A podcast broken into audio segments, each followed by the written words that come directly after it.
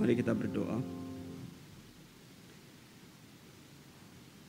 Tuhan, biarlah seperti pujian yang boleh disampaikan. Kami boleh memahami karyamu yang begitu besar, di mana Allah yang tidak terbatas itu datang kepada kami, menjadi manusia, menjadi sama seperti kami, menyelamatkan kami, memberikan kami sukacita, pengharapan yang hanya kami dapatkan di dalam Engkau.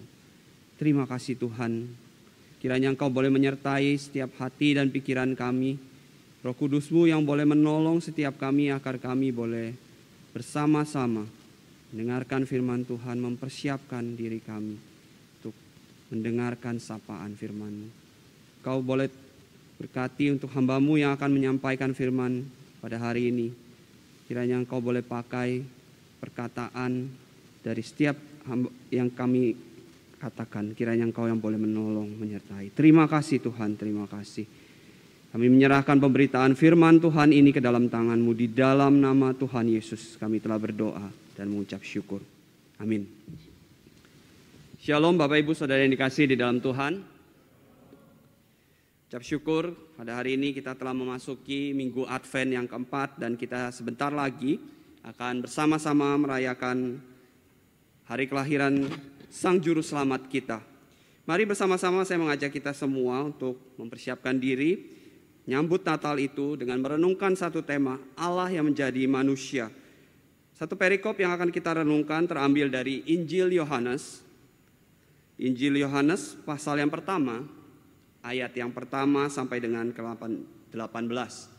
Kita akan bersama-sama merenungkan satu bagian perikop ini terambil dari Injil Yohanes pasal yang pertama, ayat yang pertama sampai dengan 18. Kita tidak akan membacakan secara keseluruhan ayat ini, saya akan menentukan beberapa ayat yang akan kita bacakan secara bersama-sama. Kita akan ber, ber, bersama-sama membacakan ayat yang pertama sampai dengan ayat yang kelima. Kemudian kita akan membaca ayat yang ke-14. Injil Yohanes pasal yang pertama kita akan bacakan ayat yang pertama sampai dengan yang kelima dan juga ayat yang ke-14.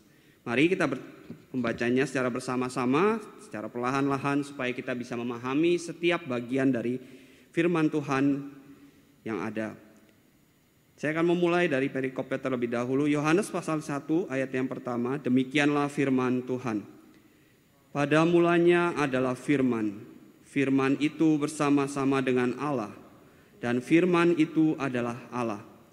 Ia pada mulanya bersama-sama dengan Allah segala sesuatu dijadikan oleh Dia, dan tanpa Dia tidak ada sesuatu pun yang telah jadi dari segala yang telah dijadikan. Dalam Dia ada hidup, dan hidup itu adalah terang manusia. Terang itu bercahaya di dalam kegelapan, dan kegelapan itu tidak menguasainya. Ayat yang ke-14. Firman itu telah menjadi manusia dan diam di antara kita dan kita telah melihat kemuliaannya, yaitu kemuliaan yang diberikan kepadanya sebagai anak tunggal Bapa, penuh kasih karunia dan kebenaran. Amin. Bapak Ibu Saudara yang dikasih di dalam Tuhan di era sekarang ini, di masa sekarang yang kita hidupi sekarang ini, transaksi jual beli online tentunya sudah tidak asing lagi bagi kita terutama di masa pandemi semakin mempercepat gitu ya pengaplikasian penggunaan dari jual beli online. Karena di tengah keterbatasan kita tidak bisa bertemu transaksi online menjadi salah satu alternatif di mana kita bisa tetap mendapatkan kebutuhan barang yang kita inginkan.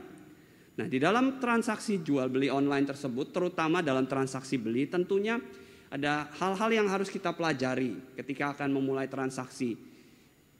Contohnya kita akan membeli satu barang, misalnya pakaian di sebuah toko yang kita mungkin selama ini belum pernah membeli barang tersebut. Dan ketika kita mau membeli satu barang, ada beberapa hal yang tentunya kita perhatikan. Yang pertama pastinya harga ya. Yang pasti itu nggak usah diomong biasanya kita akan lihat harganya yang paling kompetitif itu yang mana Kemudian hal yang tidak kalah penting lagi adalah tentang reputasi dari toko atau tempat yang akan kita beli.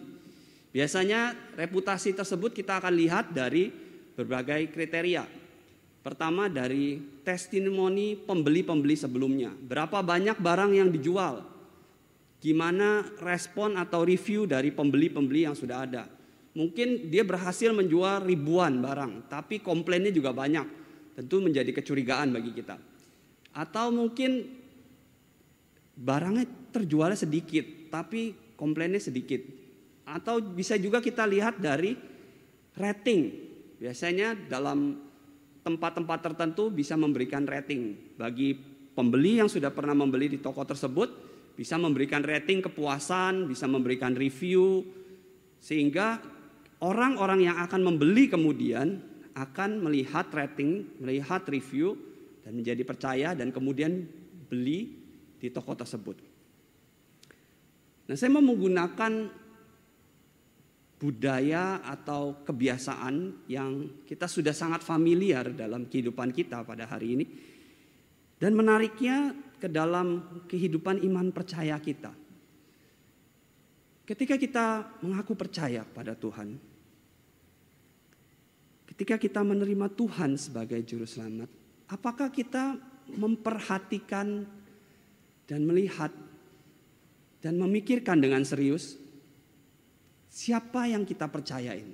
Apakah kita melihat bagaimana reputasi, apa yang dilakukan oleh Tuhan kepada hidup kita, apa dampak yang diberikan. Atau kita hanya bilang, oh saya mah jadi orang Kristen ya karena udah dari dulu, dari kecil saya disuruh datang ke gereja, ya pokoknya ikut aja lah gitu. Oh saya jadi Kristen karena katanya, katanya itu enak jadi orang Kristen. Gitu. Katanya, katanya, katanya. Tidak ada pengalaman tersendiri yang kita alami. Bagian ini juga menjadi hal yang sama dihadapi oleh penulis Injil Yohanes. Ketika ia menuliskan bagian dari Injil Yohanes ini untuk pembaca yang akan dihadapinya. Penulis Injil Yohanes menuliskan bagian ini untuk para pembaca agar para pembacanya ini mengenal, mengenal siapa Yesus yang mau disampaikan. Kita bisa bayangkan pada waktu itu penulis Injil Yohanes menuliskan pada masa kekristenan itu baru mulai bertumbuh. Belum banyak yang kenal tentang kekristenan. Belum banyak yang tahu tentang apa yang dilakukan oleh Tuhan Yesus. Apa yang dilakukan Tuhan Yesus hanya sekitar wilayah dari Palestina, Yahudi, Yerusalem. Dan ketika penulis Injil Yohanes menuliskan, ia memulai bagian tersebut untuk memperkenalkan siapa Yesus itu kepada pembacanya, yaitu orang-orang Yahudi dan orang-orang Yunani, sehingga mereka tahu siapa Yesus itu. Terkhusus pada bagian yang kita baca bersama-sama, bagian yang kita baca Kenapa saya pilih pro, bagian yang sangat panjang tersebut? Karena itu merupakan bagian prolog atau bagian pembuka dari Injil Yohanes yang menggambarkan, memberikan gambaran tentang keseluruhan dari Injil Yohanes tersebut. Memperkenalkan tentang siapa sih tokoh utama dari bagian Injil Yohanes ini. Seperti apa? Masing-masing Injil itu memiliki karakteristik masing-masing dan masing-masing Injil itu mencoba melihat Tuhan Yesus Kristus, tokoh yang sama dari sudut pandang yang berbeda. Secara khusus Injil Yohanes mencoba melihat dari bagian yang lebih luas, lebih tinggi. Dan kita akan mempelajari bersama-sama pada bagian itu di dalam teks yang kita baca bersama-sama. Mari kita memperhatikan di ayat yang pertama dan kedua. Dikatakan di ayat yang pertama dan kedua, pada mulanya adalah firman. Firman itu bersama-sama dengan Allah dan firman itu adalah Allah. Ia pada mulanya bersama-sama dengan Allah. Dalam tulisan-tulisan kuno, terutama tulisan yang membahas tentang satu tokoh, ada dua pertanyaan yang harus dijawab ketika kita membaca bagian awal dari sebuah tulisan tersebut, yaitu penulis harus menjawab tentang siapa dan dari mana tokoh tersebut. Siapa dan dari mana tokoh tersebut. Kita bisa lihat Injil Matius memulai bagian tersebut dengan silsilah. Inilah silsilah Yesus Kristus, anak Allah. Dimulai dengan siapa dan dari mana. Dia adalah keturunan yang dijanjikan itu. Penulis Injil Matius melihat dari aspek keyahudian Yesus Kristus bahwa ia adalah orang yang dijanjikan tersebut. Ia adalah orang yang dinubuatkan sejak lama oleh para nabi. Karena memang audiens atau pembaca Injil Matius pada saat itu adalah orang-orang Yahudi yang memiliki latar belakang Yahudi yang sangat kuat. Kalau kita lihat Injil Markus, Injil Markus hanya menulis satu kalimat, inilah Injil Yesus Kristus anak Allah, lalu masuk ke bagian tindakan atau action dari Yesus Kristus. Penulis Injil Markus mencoba melihat tentang siapa Yesus Kristus itu dilihat dari tindakan yang dilakukan. Ia melakukan mukjizat, ia melakukan berbagai macam hal, menyembuhkan orang, mengusir setan dan segala macam. Yesus Kristus dilihat dari segala tindakan yang dilakukan. Kalau kita lihat dari Injil Lukas, Injil Lukas mencoba melihat dari siapa Yesus Kristus itu dari orang-orang yang ada di sekitarnya, dari lingkungan sekitar. Makanya Injil Lukas kalau kita baca banyak menulis tentang di awal tentang orang-orang yang terkait dengan Yesus Kristus, Sakaria, Maria, para gembala, orang Majus, Simeon, Hana, mencoba melihat dari lingkungan sekitar. Siapa sih Yesus Kristus itu menurut lingkungan yang dihidupi pada saat itu? Dan di dalam Injil Yohanes ini Penulis Injil Yohanes sengaja, dia dengan sengaja nih, menahan nama Yesus Kristus itu hingga nanti munculnya kalau kita perhatikan baru muncul nama Yesus Kristus itu di ayat 17. Itu sengaja dilakukan oleh penulis Injil Yohanes supaya orang ini bisa tahu siapa nih tokoh yang mau digambarkan. Dan penulis Injil Yohanes itu menggunakan kata firman. Firman. Pada mulanya adalah firman. Penggunaan kata ini sangat penting Bapak Ibu. Karena kata firman atau dalam bahasa aslinya adalah logos adalah satu kata yang sangat familiar, sangat dipahami oleh kedua konteks pembaca pada saat itu, pembaca utama yaitu orang Yahudi dan orang Yunani. Orang Yahudi sangat paham tentang firman, sangat memahami bahwa Allah berfirman. Nabi-nabi menyampaikan firman Tuhan. Orang Yunani yang tidak mengenal Tuhan juga mengenal makna atau istilah logos tersebut bahwa logos itu adalah kekuatan atau spirit yang memelihara kehidupan manusia. Jadi penulis Injil Yohanes ini sengaja nih menggunakan satu hal yang familiar untuk menjelaskan hal yang khusus supaya bisa dipahami oleh pembacanya. Ketika penulis Injil Yohanes menulis pada mulanya adalah firman. Kita akan langsung nyambung ke bagian Alkitab tertentu bukan Bapak Ibu. Pada mulanya adalah titik-titik. Pikiran kita akan langsung menuju kepada bagian pertama Alkitab kita, kejadian 1 ayat 1. Pada mulanya Allah menciptakan langit dan bumi. Penulis sengaja menggunakan bagian ini untuk mereferensikan bahwa Allah itu Sang Firman itu sebagai tokoh utama yang akan datang itu adalah tokoh yang ada sejak dunia dijadikan. Bahkan dia melampaui ruang dan waktu.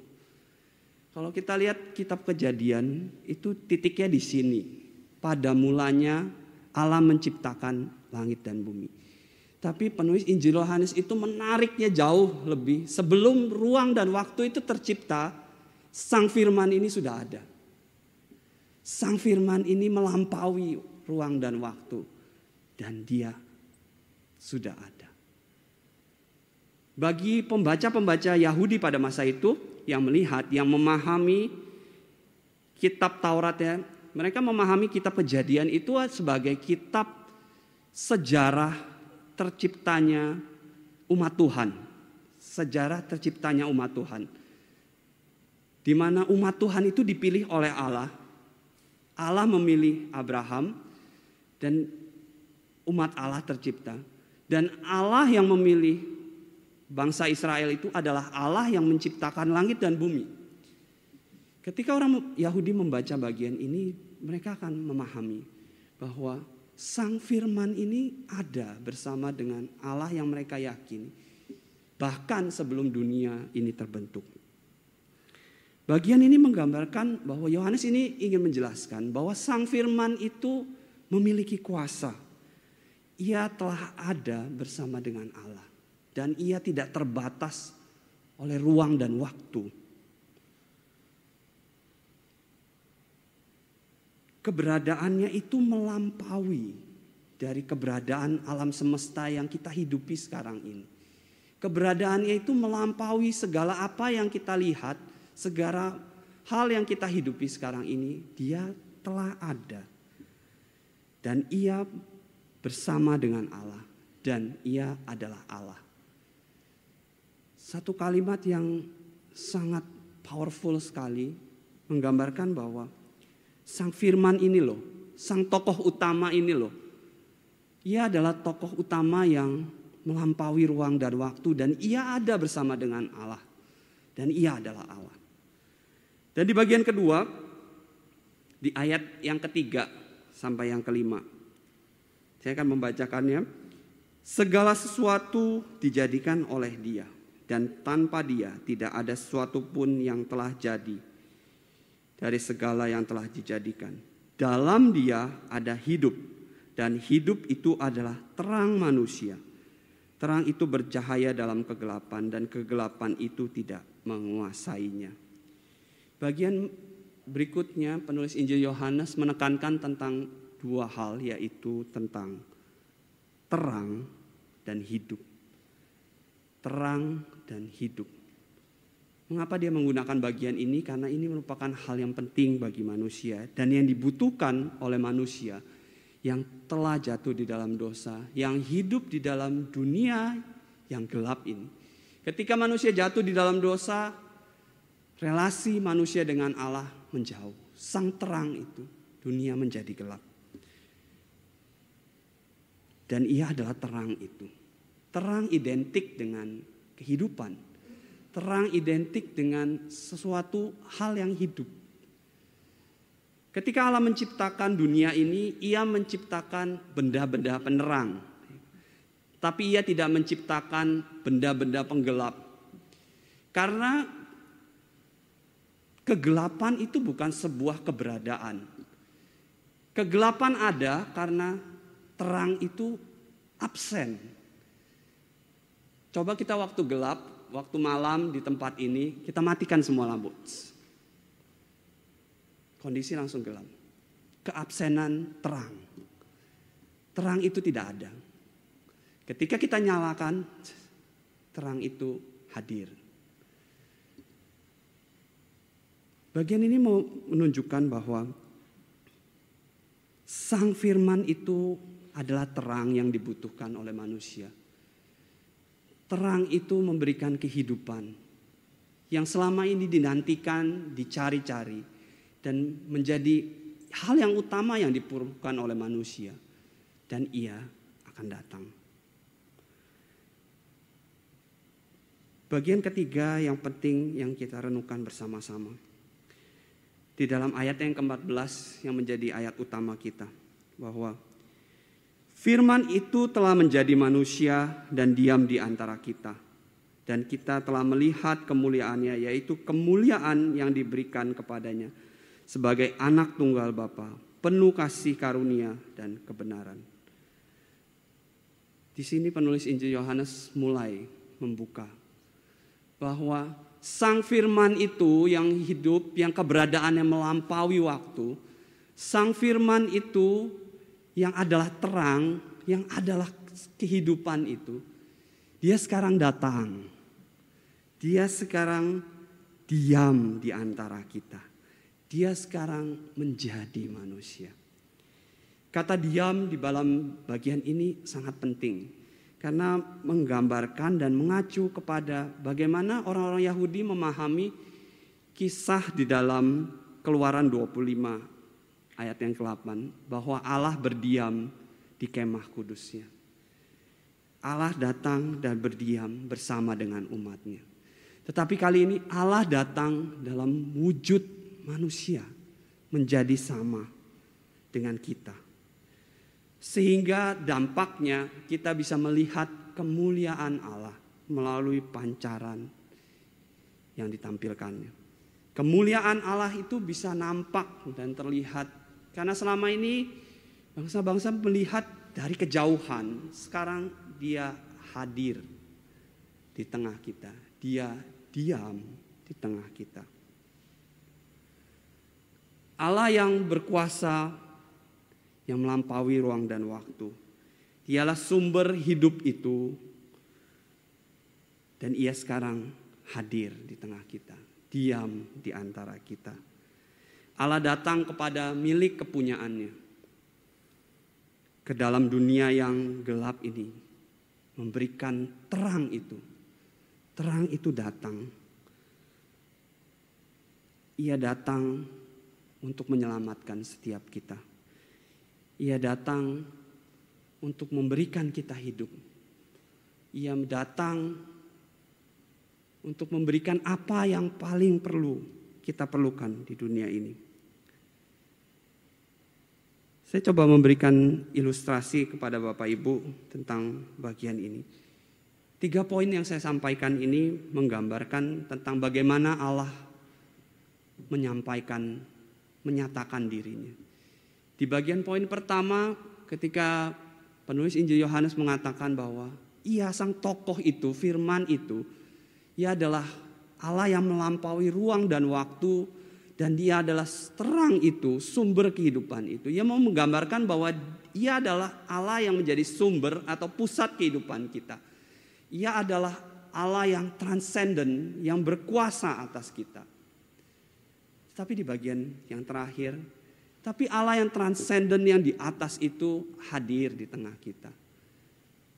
Diam di antara kita.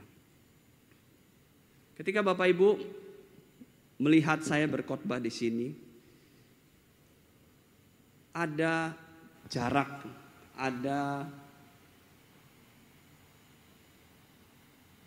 posisi yang lebih tinggi dari Bapak Ibu dan saudara sekalian.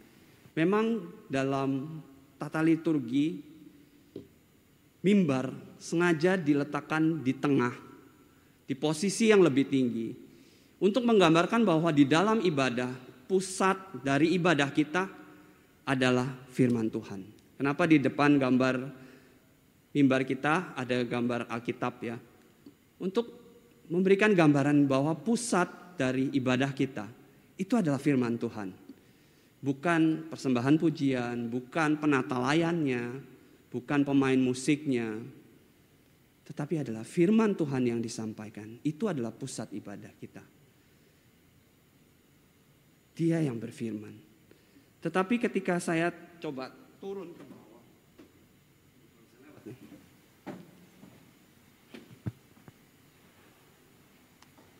saya coba turun ke bawah. Apa yang Bapak Ibu rasakan? Kita jadi lebih dekat bukan? Kita jadi ada relasi yang sama. Posisi kita minimal sama. Apalagi kalau saya duduk gitu ya. Saya duduk samping Kobili. Tadi saya duduk saya di sini. Itulah gambaran bahwa Allah menyatakan dirinya sebagai Allah yang berkuasa Ia yang melampaui ruang dan waktu. Ia adalah sumber kehidupan. Ia adalah terang itu. Tetapi Allah menyatakan dirinya tidak berhenti sampai di situ. Bahwa terang itu sumber kehidupan itu datang ke tengah-tengah kita. Hadir sama menjadi sama seperti kita merasakan apa yang kita rasakan di dalam hidup ini. Ketika kita mungkin berpikir, Tuhan hidup saya susah, Tuhan hidup saya penuh penderitaan. Allah telah merasakan apa yang kita rasakan. Tidak ada penderitaan, tidak ada kesusahan, tidak ada pergumulan yang lebih hebat yang tidak pernah dirasakan oleh Tuhan. Ia merasakan apa yang kita juga rasakan. Ia menjadi sama. Tetapi ia adalah pribadi yang berkuasa itu. Ia bisa membawa kita. Ia turun membawa kita. Menerima hidup itu. Menerima keselamatan itu. Biarlah bagian ini boleh menjadi kekuatan bagi kita mempersiapkan kita untuk menyambut Natal. Bahwa Allah yang berkuasa itu, ia yang melampaui ruang dan waktu itu, ia hadir, ia diam di antara kita, menyertai kita, menyertai hidup kita. Kita tidak tahu tahun 2022 itu seperti apa, kita nggak tahu. Semua nggak tahu. Apakah semakin lebih baik atau semakin lebih parah? Kita nggak tahu. Saya pribadi juga nggak tahu. Tapi yang menjadi kekuatan bagi kita. Allah hadir di tengah dunia yang gelap ini. Terangnya ada dan terangnya bercahaya dan kegelapan tidak dapat menguasainya. Amin. Mari kita berdoa. Tuhan di tengah dunia yang penuh ketidakpastian, di tengah dunia yang tidak bisa kami prediksi ke mana arah dan tujuannya. Kami diberikan kekuatan melalui firman-Mu pada hari ini. Bahwa Engkau hadir, Engkau diam di antara kami. Engkau menjadi sama, merasakan apa yang juga kami rasakan. Tetapi sekaligus engkau menyatakan dirimu bahwa engkau adalah Allah yang melampaui ruang dan waktu. Engkau adalah sumber hidup kami, terang kami di tengah kegelapan dunia ini. Biarlah kami mau berjalan, meyakini terus untuk berjalan di dalam terangmu ya Tuhan. Tuhan tolonglah setiap kami di dalam pergumulan yang kami hadapi, ketidakpastian, keraguan, kekhawatiran yang kami hadapi Tuhan. Tentang masa depan kami, apa yang akan kami hadapi ke depan. Tapi Tuhan yang boleh menguatkan kami dengan firman-Mu, yang mengingatkan kami. Engkau hadir di dalam setiap hidup kami. Terima kasih Tuhan untuk kebenaran firman-Mu. Di dalam nama Tuhan Yesus kami telah berdoa dan mengucap syukur. Amin.